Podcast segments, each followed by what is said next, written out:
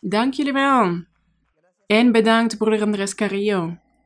Ja, inderdaad hebben wij gisteren het 21-jarig bestaan van de stichting gevierd.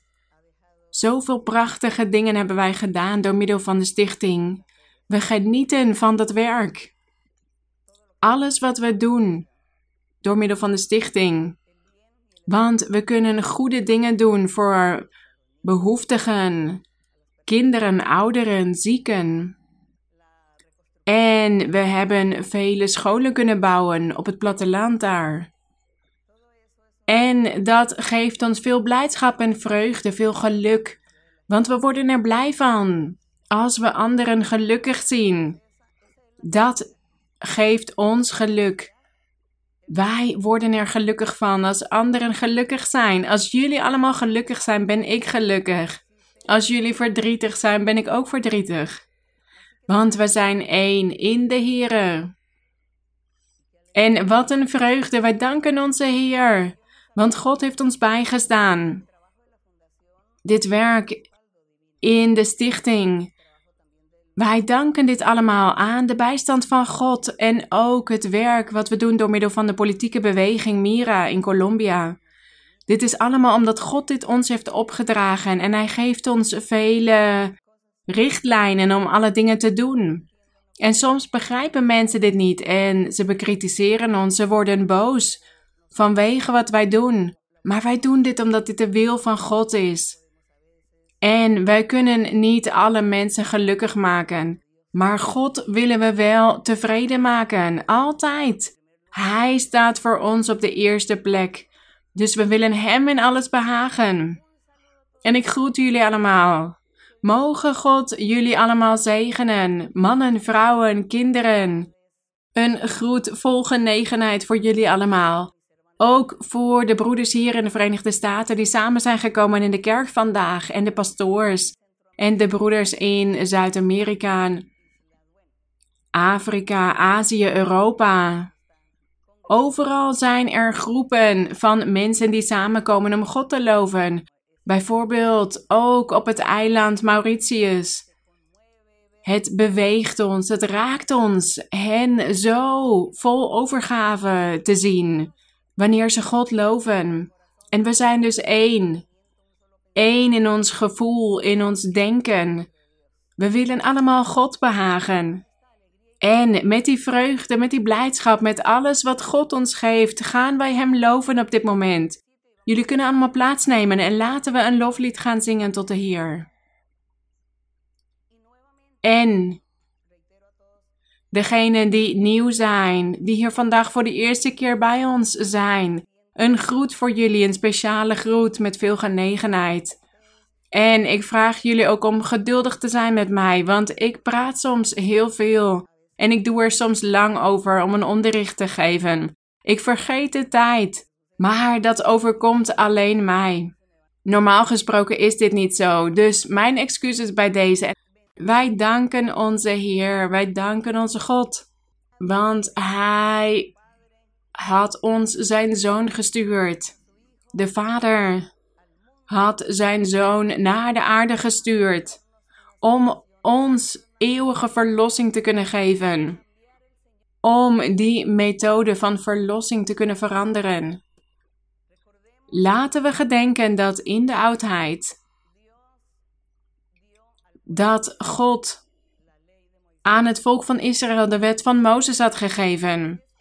En God had Mozes opgedragen om de wetten te onderwijzen aan het volk en dat iedereen alle geboden in acht moest nemen. Zo zouden ze het eeuwige leven verdienen.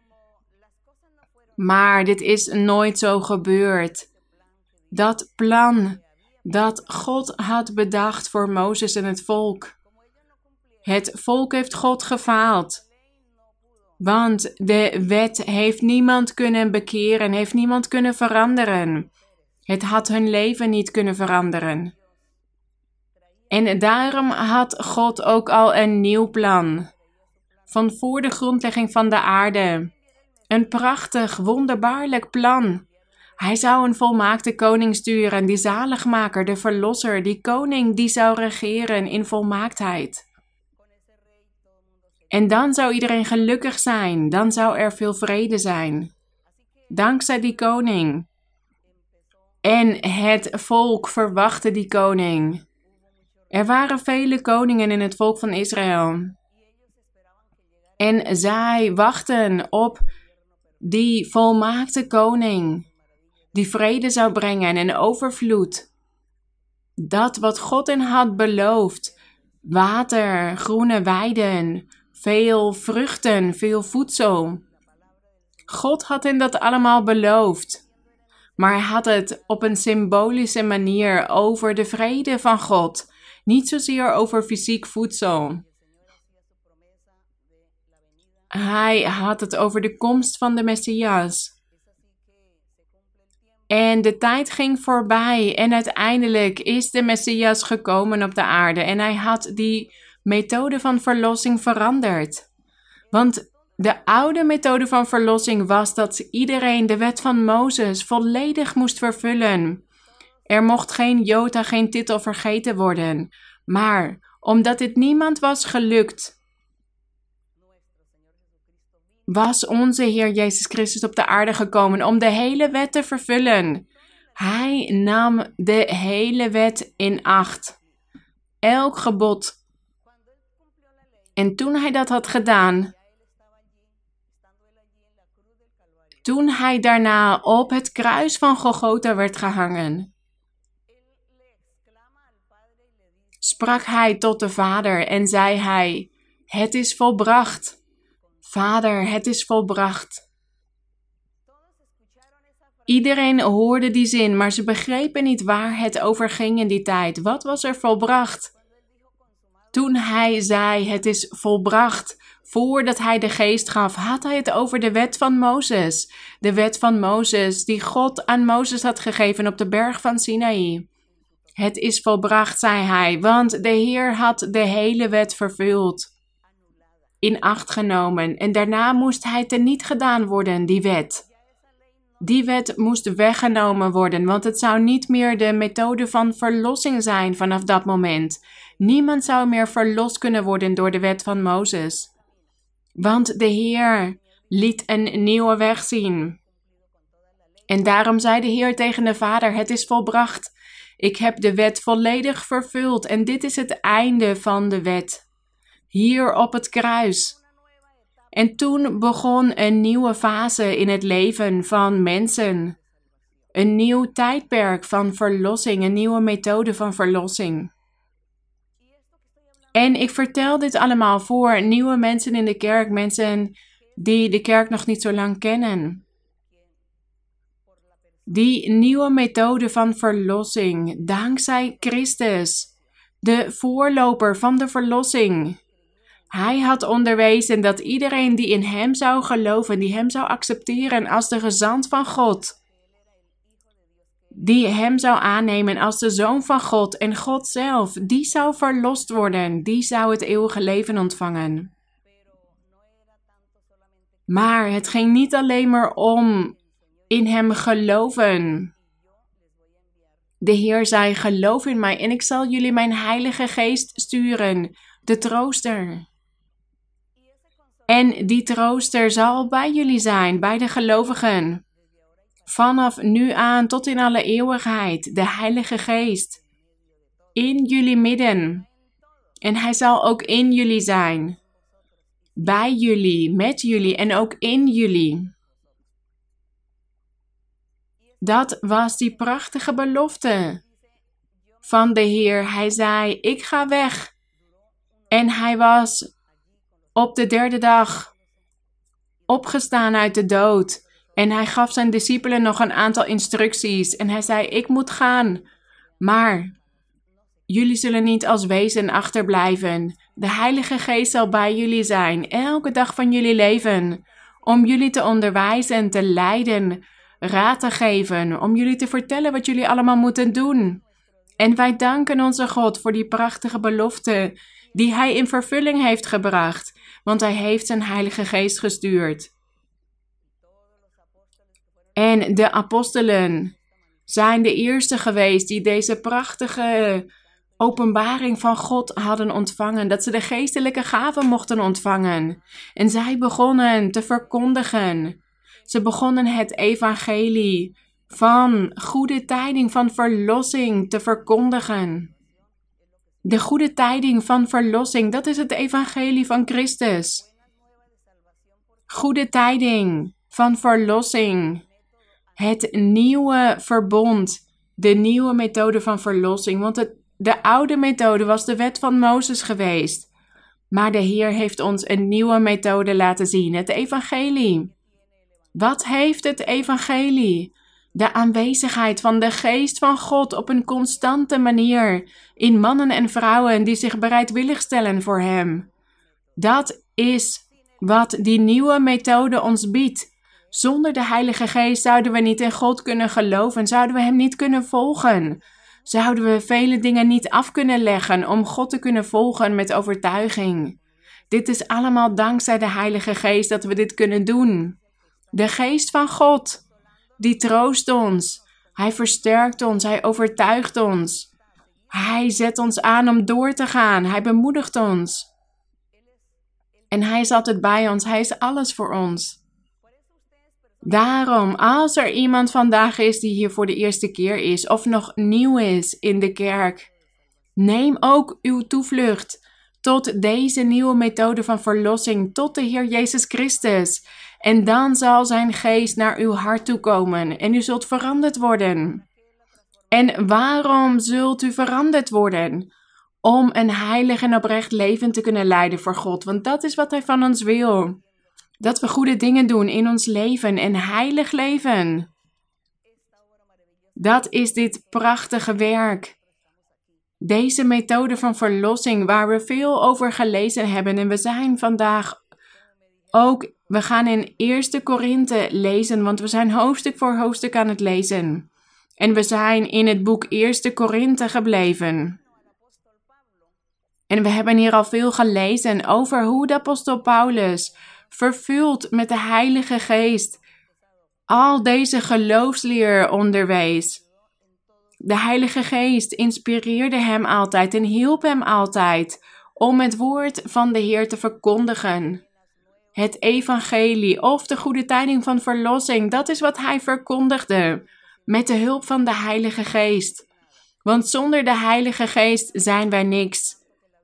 Als wij de Heilige Geest niet in ons midden zouden hebben, dan zou de Bijbel maar een gewoon boek zijn. Want dan zou dit boek niet levend gemaakt worden in ons leven.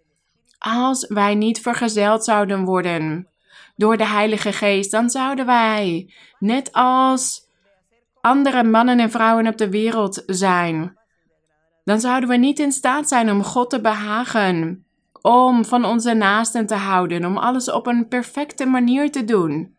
Dus wij danken onze God, want Hij heeft ons niet alleen maar Zijn Zoon gestuurd, maar ook Zijn Heilige Geest. De glorie zij aan Hem, wij danken Hem.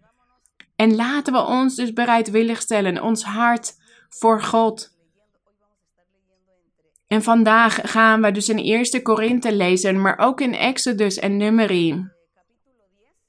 We zijn in Eerste Korinthe hoofdstuk 10 aangekomen en we zullen ook een aantal versen in Exodus en Numeri lezen.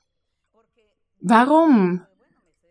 Want ja, ik ken vele concepten uit de Bijbel uit mijn hoofd, maar ik wil dat jullie dit lezen, zodat jullie zien dat dit waar is, dat dit opgeschreven staat. Want wellicht zeggen jullie, ja, de zuster praat zoveel, ze zal het vast wel verzinnen. Nee, ik wil dat jullie het meelezen in de Bijbel, zodat jullie zien dat God dit heeft laten opschrijven dat apostel Paulus dit onderwees, omdat het allemaal opgeschreven stond. 1 Korinthe, hoofdstuk 10. En hier spreekt dus de apostel Paulus, zoals ik zei, vervuld met de geest van God. En hij onderwees de geloofsleer. 1 Korinthe, hoofdstuk 10, vers 1. Hoofdstuk 10, vers 1. Hier zegt de apostel: en ik wil niet, broeders, dat u er geen weet van hebt dat onze vaderen allen onder de wolk waren en allen door de zee zijn gegaan. Wie waren onze vaderen? Wie zijn dat? Hier zegt de apostel Paulus: Ik wil niet broeders, oftewel de gelovigen van de kerk in Korinthe. Want hij schreef naar hen, maar het is ook voor ons vandaag de dag. Ik wil niet dat u er geen weet van hebt dat onze vaderen allen onder de wolk waren. Onze vaderen, dat waren Jacob. Weten jullie nog dat Jacob in Egypte ging wonen? En dat hij twaalf kinderen kreeg, twaalf zoons. En dat hier een heel volk uit voortgekomen is. In 430 jaar, want ze leefden 430 jaar lang in Egypte. Dat was een lange tijd. Dus het volk was vermenigvuldigd. En het is dus Jacob en zijn zoons, zijn twaalf zoons, die onze vaderen zijn uit de oudheid. En nu is dit vers makkelijker te begrijpen. Ik wil niet dat u er geen weet van hebt dat onze vaderen allen onder de wolk waren en allen door de zee zijn gegaan. Want laten we gedenken dat toen zij uit Egypte vertrokken, dat zij bij de zee aankwamen en dat zij de zee door waren gegaan. Want links van hen was water en rechts van hen was water en boven hen was er een wolk. Dat was ook water, want in de wolk zat water, dus ze waren helemaal bedekt door water. Toen zij door de zee gingen, dat is wat de apostel Paulus hier zegt. Ze waren allen onder de wolk en allen zijn ze door de zee gegaan. Maar laten we dit dan ook lezen in Exodus 13, zodat jullie zien dat dit echt zo was. Daarom zeg ik jullie dat wij vandaag wat meer tijd nodig hebben, omdat we al deze versen gaan lezen. Raak de lezing van 1 Korinthe hoofdstuk 10 niet kwijt, maar laten we even naar Exodus hoofdstuk 13 gaan. Hoofdstuk 13. Hoofdstuk 13, vers 21 en 22. In dit hoofdstuk lezen wij over de geschiedenis. Toen, farao, toen de farao het volk van Israël uit Egypte liet weggaan, kwamen zij aan bij de Rode Zee. En wij kunnen hierover lezen dat Mozes zijn staf omhoog hield en dat hij het water van de zee doormidden spleet, zodat het volk door de zee kon gaan. En hier staat dus in vers 21: De Heere ging voor hen uit, overdag in een wolkkolom, en die wolkkolom was dus vol van water, om hun de weg te wijzen, en s'nachts in een vuurkolom om hun licht te geven, zodat zij dag en nacht verder konden trekken. Ze moesten lopen dag en nacht. Vers 22. Hij nam de wolkolom overdag en de vuurkolom in de nacht niet weg voor de aanblik van het volk. Dat was hun leiding. God leidde hen op die manier, door middel van de wolkolom. En daarom zegt apostel Paulus hier in 1 Korinthe 10, vers 1, dat onze vaderen allen onder de wolk waren en allen door de zee zijn gegaan. Ze hadden dus water om hen heen, aan de zijkanten en ook aan de bovenkant. Vers 2 van 1 Korinthe 10. En dat allen in Mozes gedoopt zijn, in de wolk en in de zee. Dit is wat hij zegt. Allen zijn in Mozes gedoopt, in de wolk en in de zee. Dit had God geopenbaard aan de apostel Paulus. De Heilige Geest had hem dit geopenbaard. Dat het volk in de oudheid wel gedoopt was in water. Zij waren ook gedoopt in water. Niet als de doop in water die daarna in het evangelie bestond, maar zij waren wel volledig bedekt door water. En we lezen ook ergens anders in de Bijbel dat toen Noach in de ark was, 40 dagen en 40 nachten, dat hij toen ook gedoopt werd. En iedereen die in de ark zat, dat ze allemaal gedoopt werden in het water, want ze hadden het water onder hen. onder de ark en ook het water boven hen, omdat het constant regende. Dus zij waren ook gedoopt. Vers 2 dus, en dat allen in Mozes gedoopt zijn in de wolk en in de zee. Dat was de doop in die tijd. De waterdoop. Vers 3. En allen hetzelfde geestelijke voedsel gegeten hebben. Waarom heeft apostel Paulus het over de doop? En ook dat zij allen hetzelfde geestelijke voedsel hadden gegeten. Hij had het hier over het oude volk. En dat zij ook vergezeld waren door God. Dat God bij hen was geweest en hen geestelijk voedsel had gegeven. Want het was een symbool voor de toekomst. Na Christus zou iedereen zich moeten laten dopen in water. En iedereen moest ook hetzelfde geestelijke voedsel eten.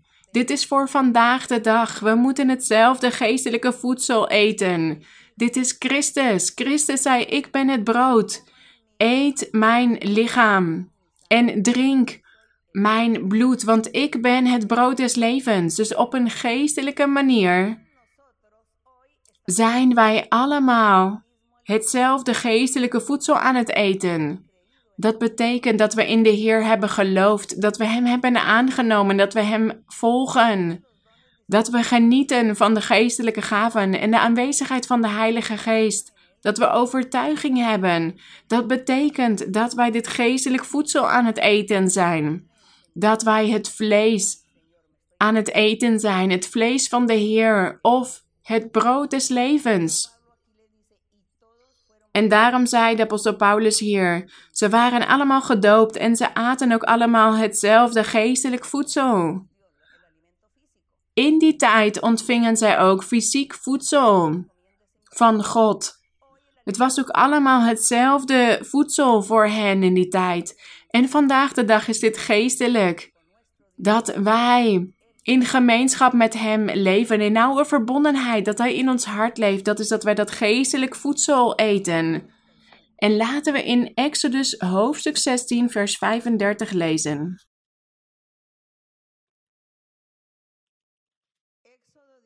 Exodus 16, 35, om te kijken wat dat voedsel was dat zij aten in die tijd. Want de Heer zei hier dat Hij hen allen hetzelfde voedsel had gegeven. Ze waren allemaal aan het klagen in de woestijn, want ze zeiden: In Egypte hadden we zoveel eten en nu hebben we niks meer hier in de woestijn. En daarom had God tegen Mozes gezegd dat hij manna naar hen zou sturen. En dat was weer een wonder dat God had verricht in hun leven door middel van Mozes. Vers 35. De Israëlieten aten 40 jaar lang het manna, totdat zij in bewoond gebied kwamen, oftewel in het land van Canaan. Zij aten manna, totdat zij aan de grens van het land Canaan kwamen.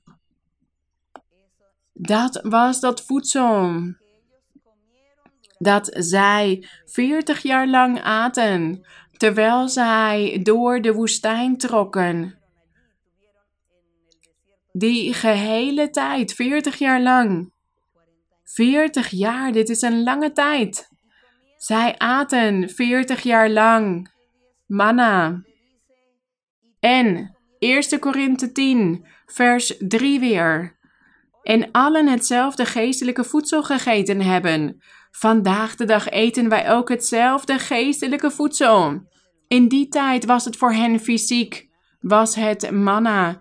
Maar voor ons is het vandaag het geestelijk brood des levens, Christus Jezus. Hij is ons alles, hij is, ook, hij is ook ons geestelijk voedsel, want hij voedt onze ziel.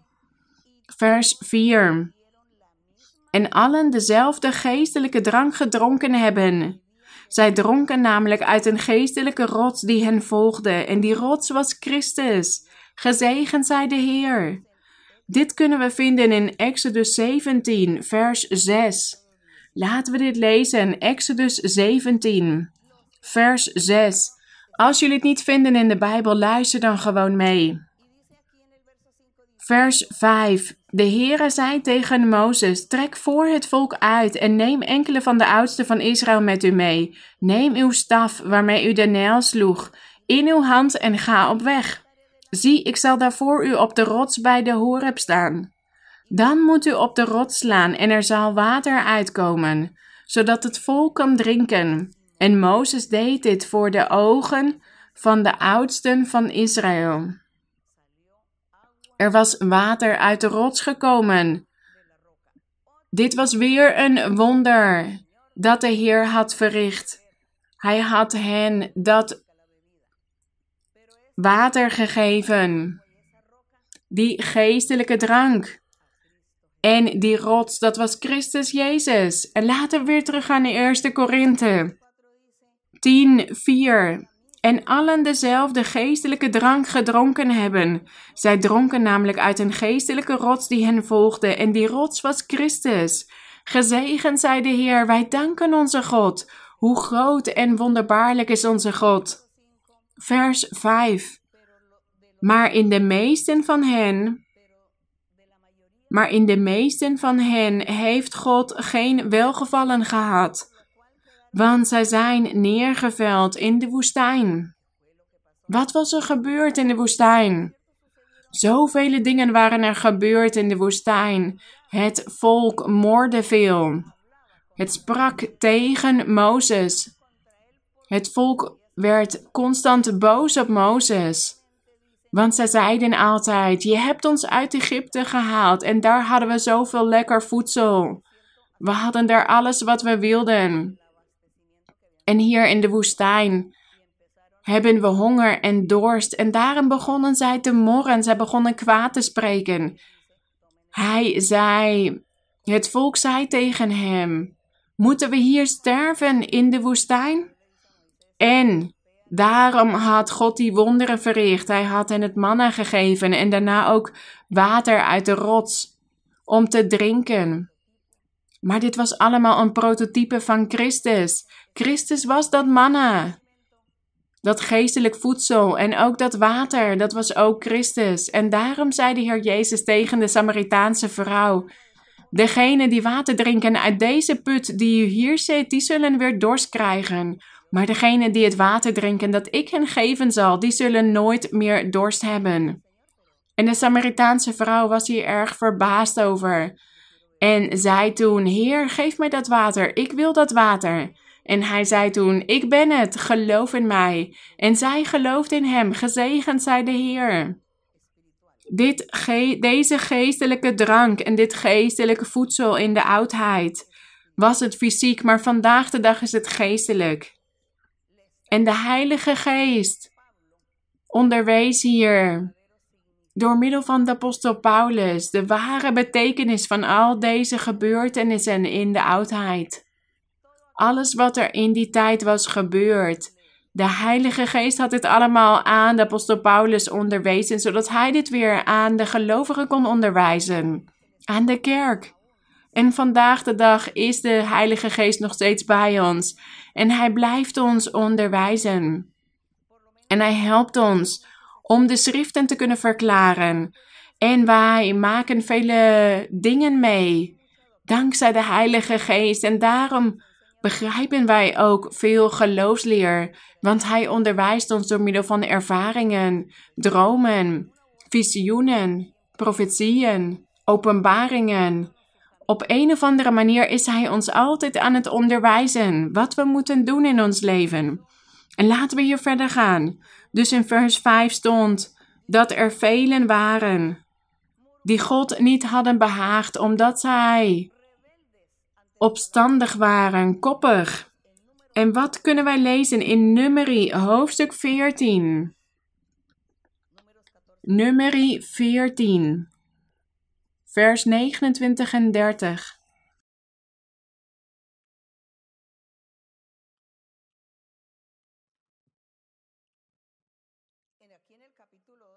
In hoofdstuk 12 gaat het over dat zij dat Miriam en Aaron moorden tegen Mozes en dat God hen daarvoor had gestraft. En in hoofdstuk 14 van Numeri gaat het over het volk dat ook moordde. Zij begonnen te morren. Ik ga hier snel lezen in vers 1, hoofdstuk 14, vers 1. Toen begon heel de gemeenschap luid te weeklagen en bleef het volk in die nacht luid jammeren. Al de Israëlieten moorden tegen Mozes en tegen Aaron.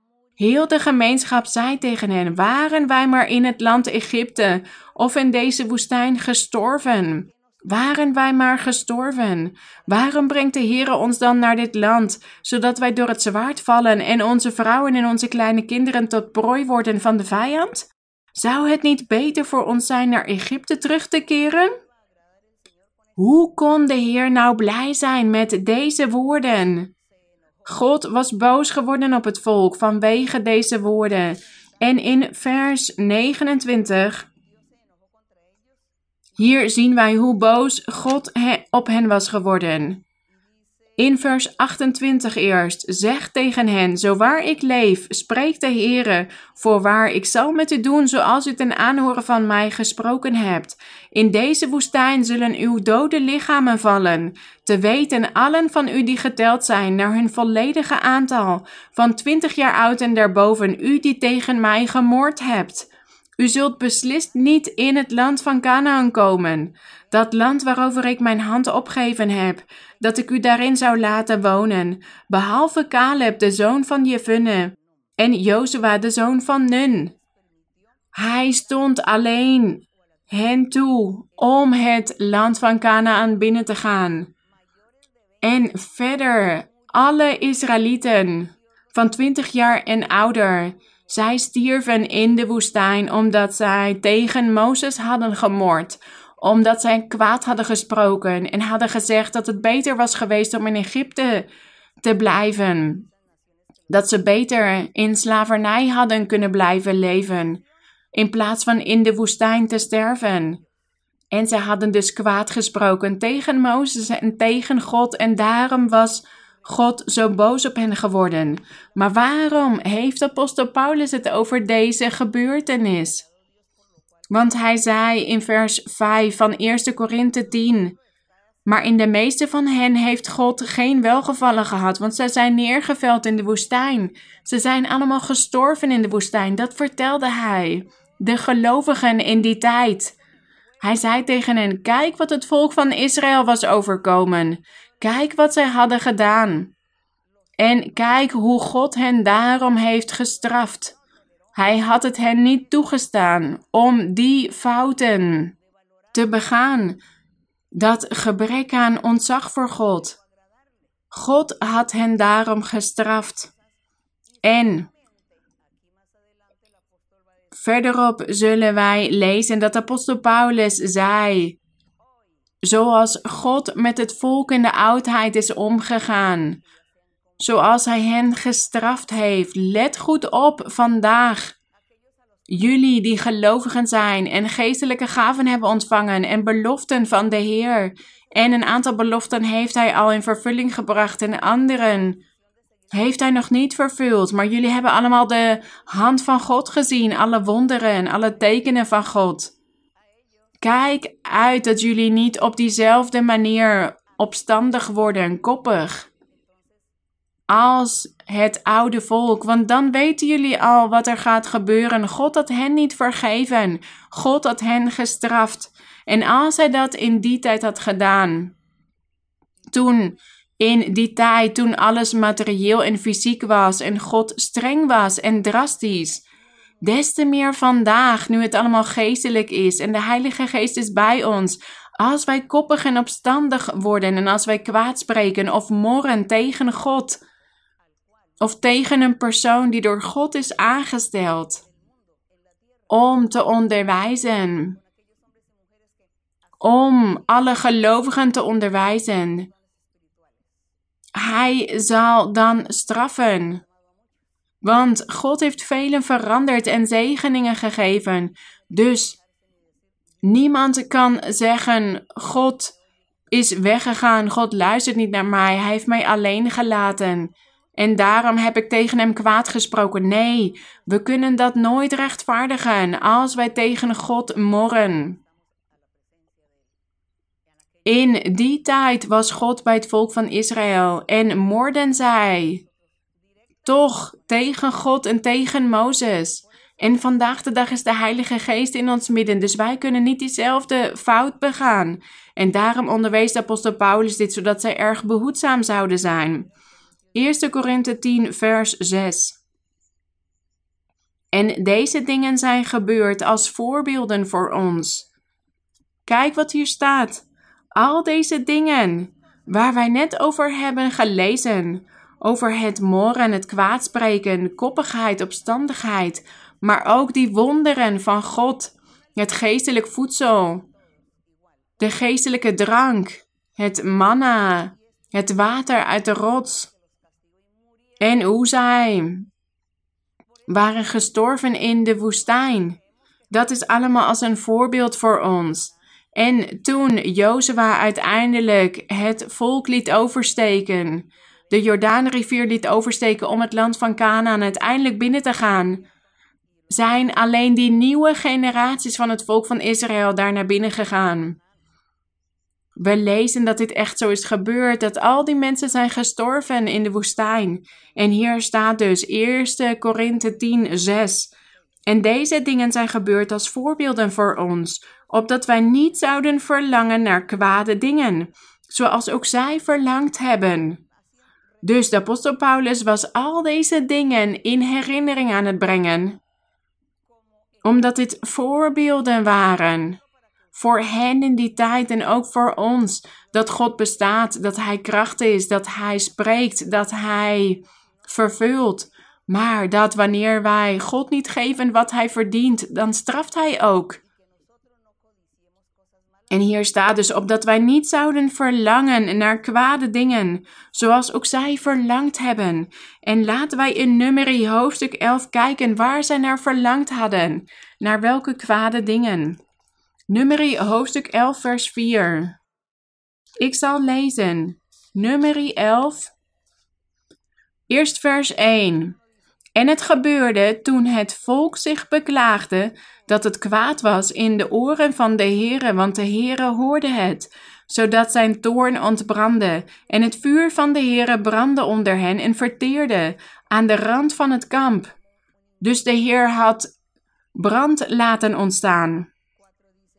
Vers 4. Het samenraapsel van vreemdelingen dat in hun midden verkeerde. Want in die veertig jaar dat ze door, de woestijn hadden getrokken, waren zij al vermengd met vele andere volken. Daarom staat hier het samenraapsel van vreemdelingen dat in hun midden verkeerde, werd met gulzigheid bevangen. Daarom jammerden ook de Israëlieten opnieuw en zeiden: Wie zal ons vlees te eten geven? Dus wat was hier gebeurd? De Israëlieten zagen dat die volken die in de woestijn leefden, dat zij goed eten hadden, dat zij vlees aten, dat zij heel veel voedsel hadden. En zij begonnen hier ook naar te verlangen. Naar dit eten van die vreemde volken. En het volk van Israël had alleen maar het manna om te eten. En zij keken dus naar die andere volken en zeiden: Kijk wat zij eten, die soepen, dat vlees, die zaden, die gra dat graan. En wij elke dag, wij eten manna elke dag. Elk moment. En zo begonnen zij dus die hebzucht te voelen voor wat die andere volken hadden. Zij verlangden hiernaar, naar iets wat niet van hen was. Dus dat is die hebzucht, dat wij niet tevreden zijn met wat wij hebben, maar dat wij willen hebben wat de ander heeft. Ja, u hebt dit, ik wil dit ook hebben. Wat moet ik daarvoor doen? Of ik wil ook eten wat u eet. Dat is jaloezie en hebzucht. En daarom hadden zij God niet behaagd. En laten we teruggaan 1 Korinthe 10. Dat wij niet zouden verlangen naar kwade dingen, zoals ook zij verlangd hebben. En vers 7. En wordt geen afgodendienaars, zoals sommigen van hen, zoals geschreven staat. Het volk ging zitten om te eten en te drinken en zij stonden op om te feesten. Wat was er gebeurd terwijl God met Mozes aan het spreken was op de berg Sinaï? Was het volk onrustig geworden en ze zeiden: Nee, Mozes is ons al vergeten of hij is overleden en hij komt niet meer terug. En zij hadden Aaron aangezet om een gouden stierkalf te maken voor hen, om dat als een afgod te hebben. En zo begonnen zij dus te eten en te drinken en te spelen en te feesten, om dat gouden stierkalf te eren. En daarom zei de apostel Paulus hier: Word geen afgodendienaars zoals sommigen van hen. En dit is voor ons vandaag de dag. Want het evangelie is vandaag. Als we het hebben over vandaag, dan hebben we het over de tijd van het evangelie. Sinds meer dan 2000 jaar geleden, maar tot op de dag van vandaag. En hier staat dus: en wordt geen afgodendienaars, zoals sommigen van hen. En hoe zouden wij afgodendienaars kunnen worden? Daar gaan we straks misschien nog meer versen over lezen. Hier staat dus zoals geschreven staat. Het volk ging zitten om te eten en te drinken. Dit was toen zij het gouden stierkalf hadden laten maken. Dat zij begonnen te feesten en het stierkalf begonnen te vereren. En zo God beledigden. Vers 8. En laten wij geen hoererij bedrijven of ontucht, zoals sommigen van hen ontucht bedreven hebben, en op één dag vielen er 23.000. Wat was er hier gebeurd? Laten we naar nummer 25 gaan. Nummer 25, vers 1 tot en met 8. Hier staat het volgende. Nummer 25, vers 1. Israël verbleef in Sittim. In de woestijn was dit. Die plek heette Sittim. En het volk begon hoererij te bedrijven met de dochters van Moab. Die nodigden het volk uit bij de offers aan hun goden. En het volk at en boog zich voor hun goden neer. Dat was die ontucht die zij pleegden. Het was een fysieke ontucht, een letterlijke ontucht, maar ook geestelijk, omdat zij in andere goden begonnen te geloven.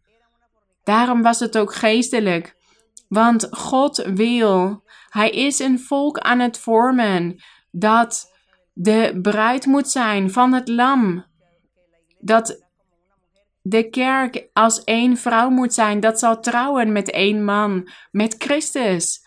Een geestelijke bruiloft. En daarom was God jaloers, hij was naijverig. Als hij zag dat zijn volk achter andere goden aanging standbeelden, schilderijen, wat voor beelden dan ook. En deze afgoderij, zij deden deze dingen, zij pleegden dus ontucht voor die afgoden, voor het standbeeld van een afgod. Ze hadden daar bepaalde tenten of ruimtes voor, waar zij dan die ontucht pleegden, bedreven. Terwijl dan die afgod, dat standbeeld, dat zou zien. Maar God had hen verboden, God had het volk van Israël verboden te trouwen met vreemde vrouwen. Ze moesten met vrouwen uit hun eigen volk trouwen. Vandaag de dag is dit anders in het evangelie van de Heer Jezus Christus. God zegt nu niet meer dat wij met iemand uit ons eigen volk of ons eigen land moeten trouwen. Hij zegt: Nee, trouw maar met wie je wilt, als het iemand is die van mij houdt. Want beiden moeten van God houden en God volgen. Dat is wat de Heilige Geest, apostel Paulus, had onderwezen. Trouw dan maar met wie je wilt, als het maar voor mij is en in mijn naam. Maar in die tijd van het volk van Israël mochten zij alleen maar met mensen van hun eigen volk trouwen. En toen zij dus met vreemde vrouwen gingen trouwen, gingen zij ook hun afgoden vereren, de afgoden van die vreemde vrouwen. En dat was een grote zonde voor God. En daarom had God dan ook zoveel gestraft. En laten we weer teruggaan naar Korinthe. Vers 8. En laten wij geen hoererij bedrijven, zoals sommige van hen ontucht bedreven hebben en op één dag vielen er 23.000. Want als we daarover verder lezen in hoofdstuk 25 van Numeri, waar we zo net hebben gelezen, dan lezen we dat 23.000 man werd gestraft die dag, omdat zij die afgoden waren gaan dienen, die afbeeldingen, die standbeelden. Vers 9, 1 Korinthe 10, vers 9. En laten wij Christus niet verzoeken, zoals ook sommigen van hen hem verzocht hebben en door de slangen omgekomen zijn. En er zijn mensen die mij vragen: wat is God verzoeken of op de proef stellen? Laten we in nummerie 25 lezen. In vers 16. Laten we hier nog lezen in nummerie 25, vers 16. Verder sprak de Heer tot Mozes: Behandel de Midianieten als vijanden en versla hen, omdat zij met die Midianieten afgodendienaars waren geworden. Want zij hebben u als vijanden als vijanden behandeld met hun listen, die zij listig tegen u beraamden. Zij hadden hen bedrogen met die afgoden. In het geval van Peor en in het geval van hun zuster Cosby, de dochter van een leider van de Medianieten, die gedood is op de dag van de plaag, in het geval van Peor. Dus zij hadden de Israëlieten bedrogen. Maar dit was dus over de afgoderij nog. En laten we naar nummer 21 gaan. Hier gaat het over dat morgen waar we over zouden lezen. Nummer 21. Nummer 21, vers 5. Over het morgen. Vers 4. Nummer 21, vers 4. Toen trokken zij van de berg Hor in de richting van de Schelfzee. Zij liepen dus door de woestijn en zij op bepaalde plekken sliepen zij dan een tijd en daarna gingen ze weer verder. Ze moesten namelijk om het land van Edom heen trekken, maar onderweg kon de ziel van het volk het niet langer verdragen. Het volk sprak tot God en tot Mozes. En hier zullen we zien dat ze begonnen te morren, dat ze begonnen kwaad te spreken. Vers 5. Het volk sprak tot God en tot Mo Mozes: Waarom hebt u ons uit Egypte laten vertrekken om te sterven in de woestijn?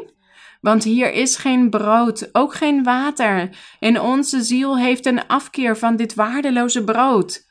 Dat was het manna waar ze het over hadden. Kijk hoe zij moorden, hoe zij,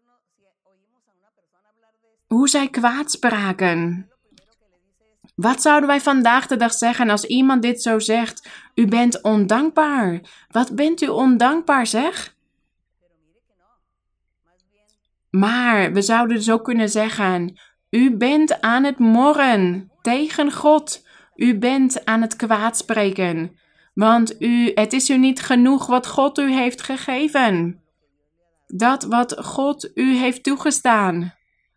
Dus dat is dat morren of kwaadspreken. Dat wij ontevreden zijn en dat we God niet dankbaar zijn. Wat Hij ons gegeven heeft, of dit nou veel of weinig is. Die persoon is daar niet tevreden mee. En hij is niet dankbaar. Laten we dit niet vergeten. Want dit was het volk overkomen. En laten we teruggaan naar 1 Korinthe 10.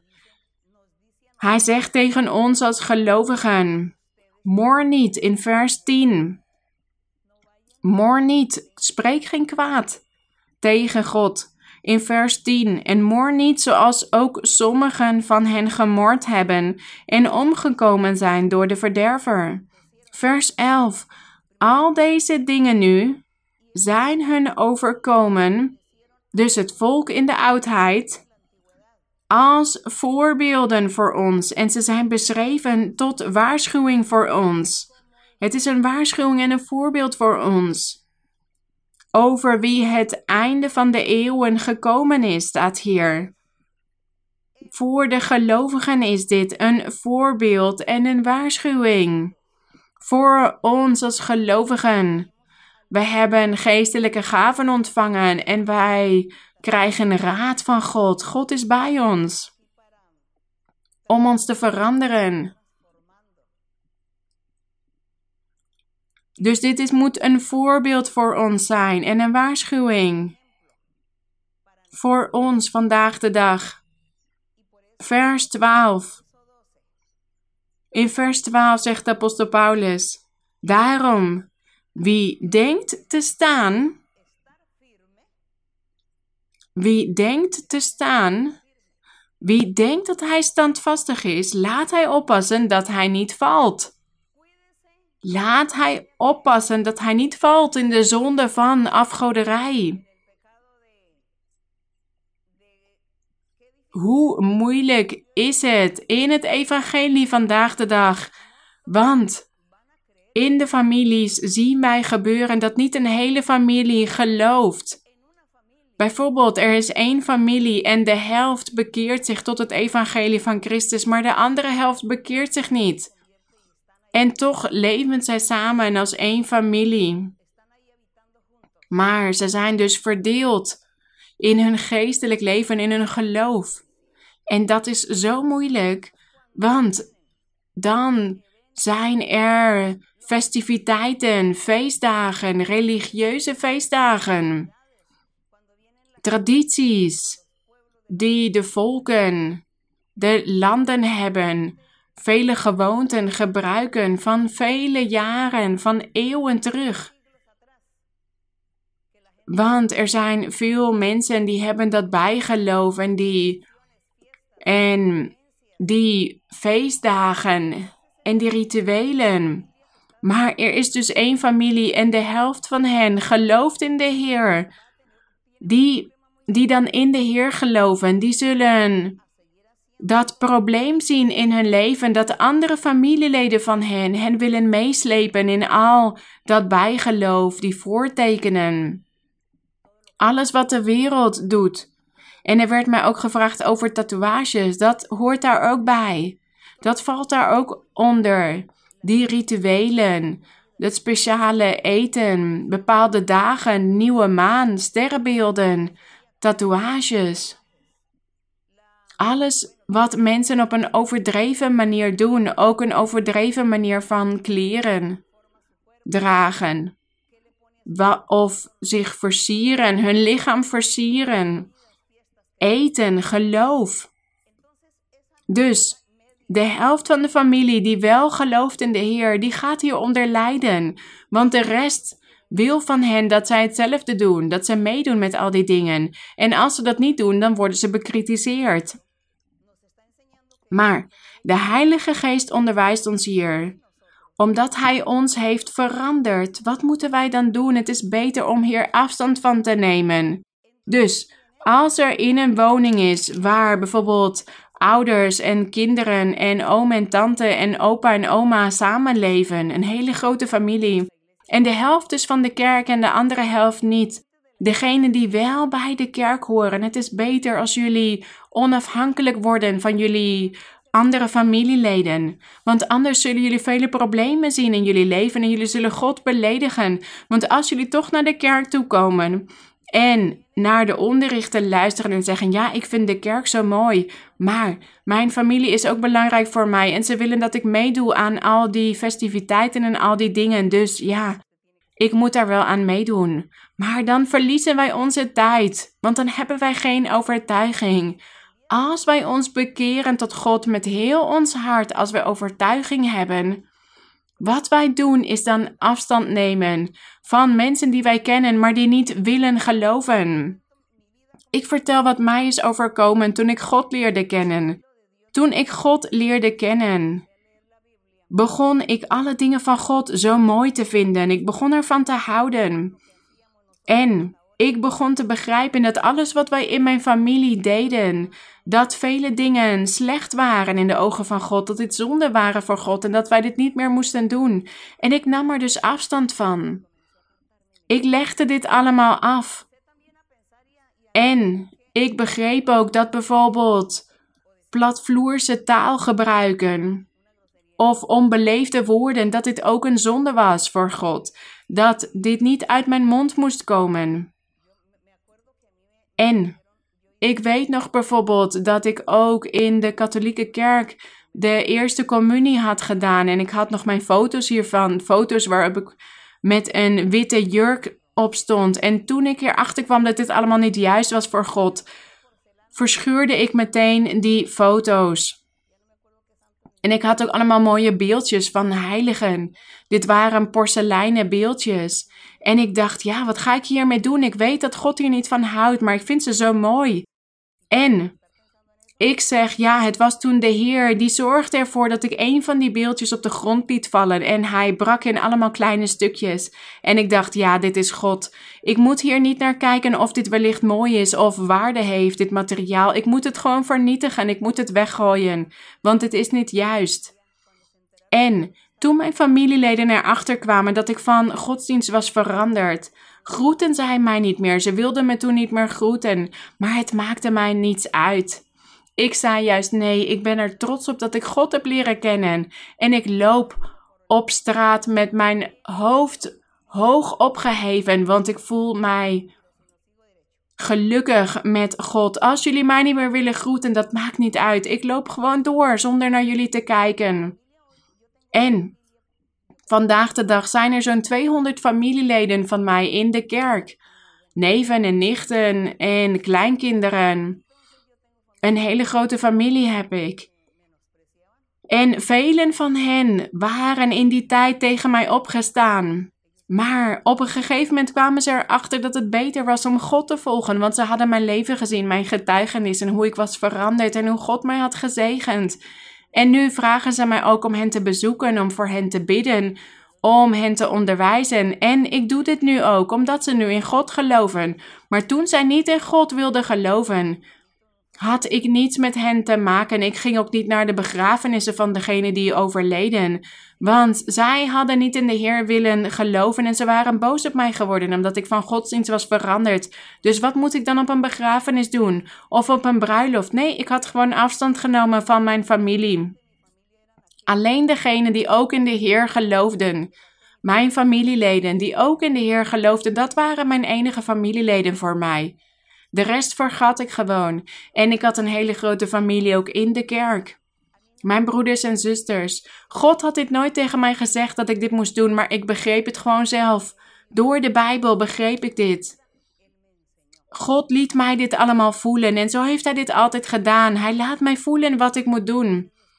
En er zijn mensen die zeggen: ja, ze was zo trots geworden of arrogant en ze wil niet meer bij ons zijn. Ze wil niet meer bij ons horen. Maar ik had mezelf die dingen opgelegd.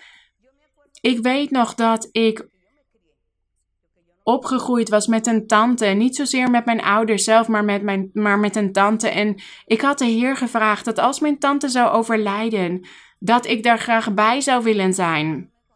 Voordat dit zou gebeuren. En God stond mij dit toe. Ik had haar in haar leven onderwezen om tot God te bidden en ik had vele dingen voor haar opgeschreven en ik onderwees haar over de Heilige Geest en zij had dit allemaal aangenomen in haar leven. En toen zij op haar sterfbed lag, werd ik door mijn familie op de hoogte gebracht en was ik er naartoe gereisd. En mijn familie was toen nog steeds heel erg katholiek. En ze waren nog steeds boos op mij omdat ik van godsdienst was veranderd. En toen ik daar bij mijn tante aankwam, toen ze op haar sterfbed lag, zag ik in de kamer dat ze een heel groot kruis boven haar opgehangen hadden. Een groot kruis met een standbeeld. En ze zeiden dan dat dit de Heer Jezus was op het kruis. En ik was de enige die in de Heer geloofden. Allen die daar aanwezig waren, waren katholiek. En toen ik die kamer binnenkwam, het eerste wat ik deed was dat kruis naar beneden halen. En ik stopte het onder het bed. Ik stopte het onder het bed en ik begon tot God te bidden en ik legde mijn tante de handen op. En ik bad tot God om haar te laten sterven in vrede. En niemand zei iets tegen mij. Geen enkel familielid van mij zei tegen mij: Doe dit niet, dit is heiligschennis. Nee, ze respecteerden mij, wat ik toen had gedaan, omdat ze in mij die overtuiging hadden gezien. Ze hadden vast en zeker gezien dat ik er totaal van overtuigd was dat dit zo moest gebeuren. En dat is wat God ook in ons wil zien, die overtuiging. En dat heeft mij heel ver gebracht in mijn leven. En daarom heeft God mij gezegend in mijn leven, omdat ik die overtuiging heb. En ik zeg de dingen zoals ze zijn. Ik doe niet net alsof, omdat mijn familie iets van mij wil. Nee, ik zeg gewoon hoe de dingen zijn. Ik zeg gewoon de waarheid. God heeft mij dit zo onderwezen. Als mijn familieleden God, ook God zoeken, dan zijn ze mijn familie. Maar zo niet, dan niet. Dan ga ik ook niet bij hen op bezoek of dan ga ik niet met hen spreken. Of naar hun bruiloft gaan, naar een feest, een viering. Of naar een doop als kinderen gedoopt worden en dat er dan een peetoom en een peettante moet zijn, peetouders. En dat ik daar dan bij moet zijn. En dat ik dan zou zeggen, ja, het is mijn familie, ik moet gaan. Nee. Nee, de man of vrouw die overtuiging heeft, die blijft thuis. Dan zeggen wij gewoon tegen onze familie: nee, ik heb een ander geloof, een andere godsdienst, respecteer dat. Ik wil niet aan jullie religieuze festiviteiten meedoen. Als wij dat zo doen, dan zal God ons zegenen. En dit is wat de apostel Paulus ons onderwijst. En hij zegt hier dus in vers 12: Daarom, wie denkt te staan, laat hij oppassen dat hij niet valt. Dus hij zegt, u zegt wellicht, ja, ik ben erg toegewijd, ik ga altijd naar de kerk, ik ben er elke avond en ik heb de geestelijke gaven ontvangen. Maar wanneer u met uw familie bent en zijn er feestdagen en dagen van heiligen, er zijn zoveel religieuze, heidense religieuze feesten, bepaalde dagen. Dan vergeet u ineens dat u staat en dat u standvastig was in de kerk en dat u God wilde behagen. Alleen maar omdat u uw familie wil plezieren, om bij hen in de gunst te komen, omdat uw familie belangrijker is dan God. Nee, hier staat wie denkt te staan, laat hij oppassen dat hij niet valt. Val niet in de valstrikken van de duivel. Vers 13. Meer dan een menselijke verzoeking is u niet overkomen. En God is getrouw. Hij zal niet toelaten dat u verzocht wordt boven wat u aan kunt. Maar hij zal met de verzoeking ook de uitkomst geven om die te kunnen doorstaan. Dus, ja, we zullen altijd verzoekingen hebben in ons leven. Maar wij kunnen de beslissing nemen of wij daarin vallen of niet of wij in die val trappen. En we hebben het gehad over hebzucht en ontevredenheid van het volk en het morren, het kwaadspreken. Wij moeten dus ook ons eigen leven analyseren. Wellicht vallen wij in dezelfde fouten, dus laten wij behoedzaam zijn. Daarom is er zoveel lijden, zoveel ziekte, zoveel mensen die ziek zijn. Zoveel mensen die jong overlijden. Waarom? Omdat wij onszelf niet analyseren en dat wij slecht leven in de ogen van God. En daarom is wellicht ons, het, het economische in ons leven ook slecht, een ruïne. Nee, we moeten staan, standvastig zijn, voorwaarts gaan. Vers 16. De drinkbeker der dankzegging, die wij met dankzegging zegenen, is die niet de gemeenschap met het bloed van Christus? Het brood dat wij breken, is dat niet de gemeenschap met het lichaam van Christus? En het lijkt alsof het hier gaat over het avondmaal. Maar ik zeg, belangrijker dan een avondmaal vieren met fysiek brood en een fysieke wijn de gemeenschap met God is veel belangrijker, die nauwe verbondenheid met God. Want we hebben er niets aan als we op een fysieke manier het avondmaal van de Here vieren, terwijl wij in zonde leven, terwijl wij ons nog niet hebben bekeerd tot God, als wij onverantwoordelijk zijn, als we onze plichten niet nakomen, als wij ontucht plegen of wat dan ook. Als ik dan brood eet en wijn drink, dan is dit niet waard.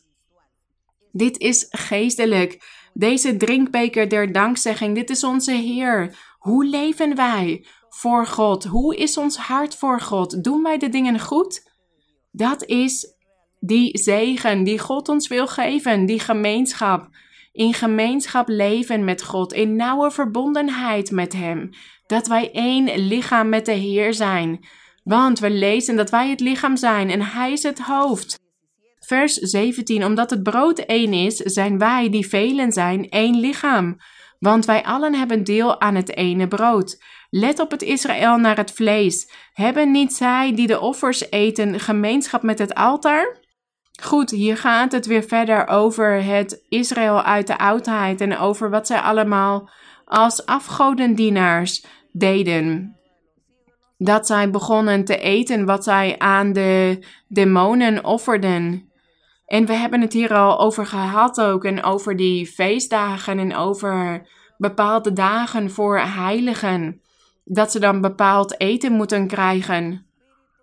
En dit is allemaal niet juist. God is geest. En wij kunnen de Heer Jezus Christus of onze God nooit in een standbeeld laten zien. Dit is niet juist als wij zeggen dat een standbeeld of een beeld of een afbeelding onze God is of de Heer Jezus Christus. En er zijn ook mensen die bepaald voedsel maken voor de doden, voor de overledenen, voor geesten, voor demonen, voor afgoden. En zij offerden dan dit eten voor hen en aten dit daarna op. Dit moeten wij vermijden. Dit moeten wij niet doen. Al deze dingen, daar horen wij niet aan mee te doen. Als onze familieleden dit doen, horen wij hier niet aan mee te doen. Laten wij vluchten van de afgoderij. Wilt u zegeningen van God ontvangen, dan moeten wij hiervan vluchten. Van al die afgoderij, van die heidense feesten. Al die dingen. En vers, laten wij naar vers 23 gaan. Alle dingen zijn mij geoorloofd, zegt de apostel, maar niet alle dingen zijn nuttig. Dus ja, ik kan alles doen, zei de apostel Paulus. Ik kan alles doen als ik dit wil, maar niet alles is nuttig. Want hij vertelt ook ergens anders van ja, als iemand mij uitnodigt en ik ga bij hem eten en iemand zegt tegen mij: Dit eten is net geofferd aan de afgoden, ja, dan ga ik het niet opeten. De apostel Paulus zegt dan: Eet het niet op omwille van het geweten. Niet het geweten van de persoon zelf, maar het geweten van die andere mensen, degenen die die persoon hebben uitgenodigd dan gaan wij dit niet opeten als wij weten dat dit een offer was voor een afgod. Dan kunnen wij beter maar helemaal niet daar naartoe gaan. Laten we hiervoor vluchten, want we moeten eerst God behagen. God hoort op de eerste plek te staan en daarom moeten we ook de Bijbel lezen.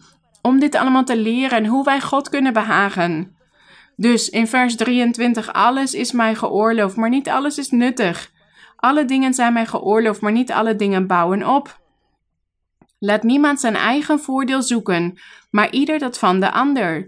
Eet alles wat in de vleeshal verkocht wordt, zonder naar iets navraag te doen, omwille van het geweten. Dus ja, we moesten niet gaan vragen. In die tijd ging het over de Joden. Bijvoorbeeld dat ze naar de vleeshal zouden gaan, dat ze niet zouden moesten vragen: wat is dit voor vlees of waar komt dit vandaan? Want dan zouden ze niks meer kunnen eten. Ze konden dan beter niks vragen. Dat is wat de apostel zei. Wat jullie daar zien, eet het gewoon. Wat jullie in de vleeshal kunnen kopen. Vers 26 van de Heere immers is de aarde en haar volheid. En als iemand van de ongelovigen u uitnodigt en u wilt naar hem toe gaan, eet dan alles wat u wordt voorgezet, zonder naar iets navraag te doen omwille van het geweten. Indien echter iemand tegen u zegt, dat is een afgodenoffer, eet het dan niet, omwille van hem die u dat te kennen gaf en omwille van het geweten. Ja, want die persoon gaat u dan bekritiseren. Die gaat dan zeggen: Kijk, ik zeg tegen deze persoon dat dit eten voor een afgod was. En hij eet het nu gewoon op.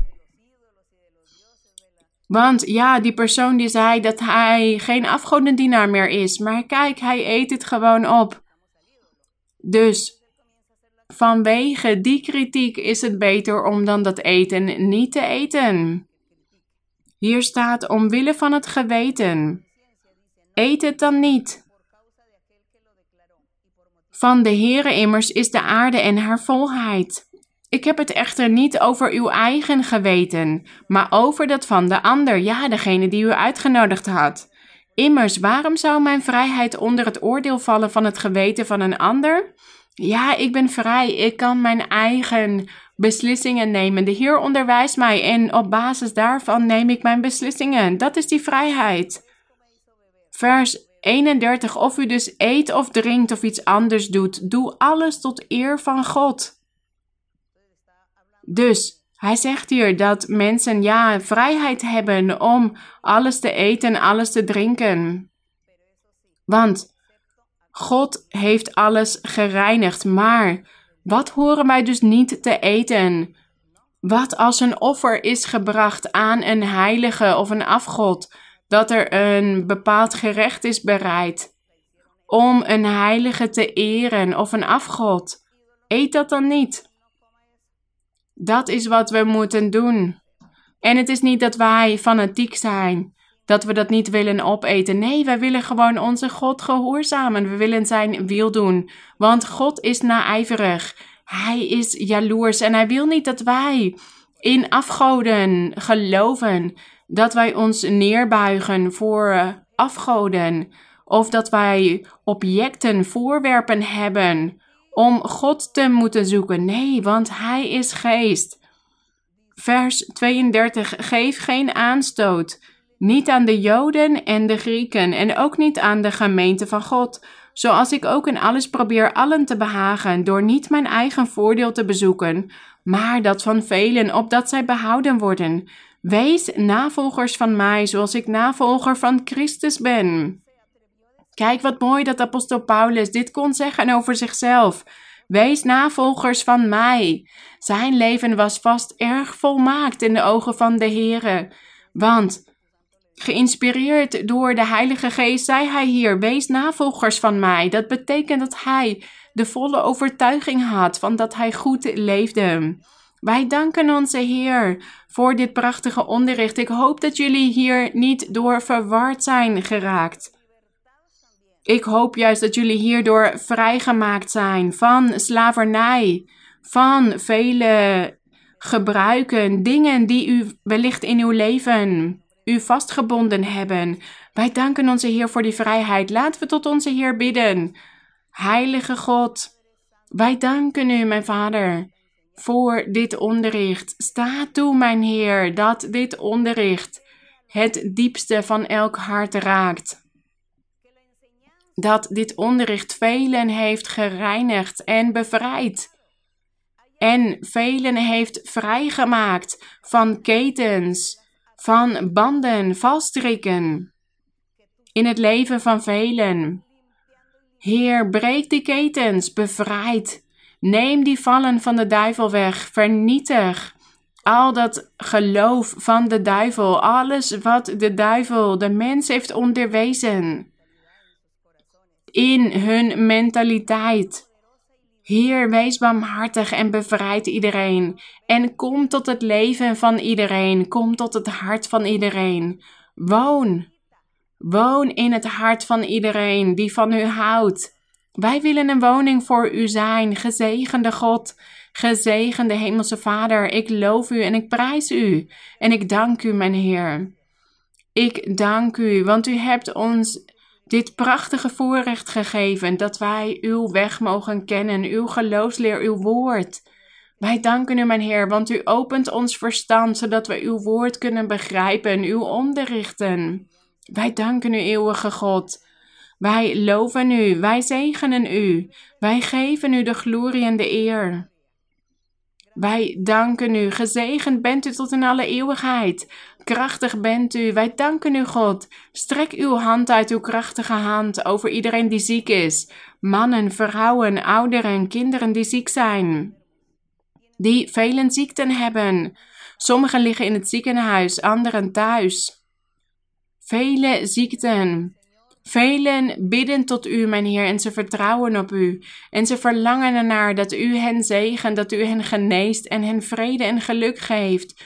U zult het wonder verrichten in iedereen. Wij danken u, mijn Heer. Neem ongeloof weg, neem twijfel weg. Koppigheid, opstandigheid, hardheid van hart, mijn Heer. Help ons om u te dienen. Vernietig het werk van de duivel. Help ons om u trouw te zijn. Wij danken u, mijn Heer. Wij loven u. Gezegend zij uw naam tot in alle eeuwigheid. Wij loven u en wij geven u de glorie en de eer in de naam van de Heer Jezus Christus, uw geliefde Zoon. Gezegend zij de Heer. Laten we koor 135 zingen. Wees vlijtig. Wees vlijtig, zodat je altijd wel beproefd staat voor God. Wees vlijtig, zodat je altijd wel beproefd staat voor God.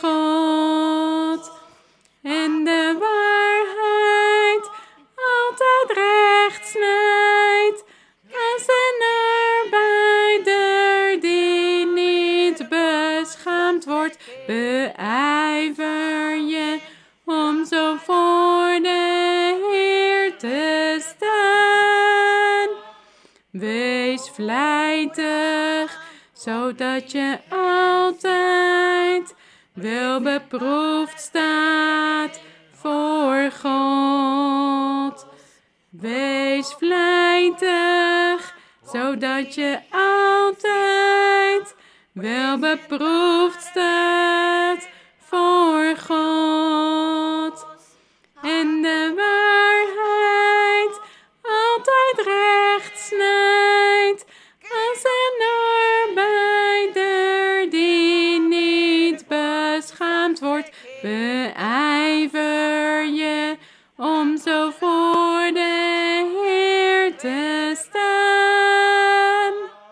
Wij danken onze Heer. Mogen God jullie allemaal zegenen. Mijn geliefde broeders en zusters. En iedereen die hier ook voor de eerste keer naar luistert of ons bezoekt. Ik hou van jullie met heel mijn hart. Vele groeten. Vele zegeningen. Ook voor de kinderen. Dank jullie wel.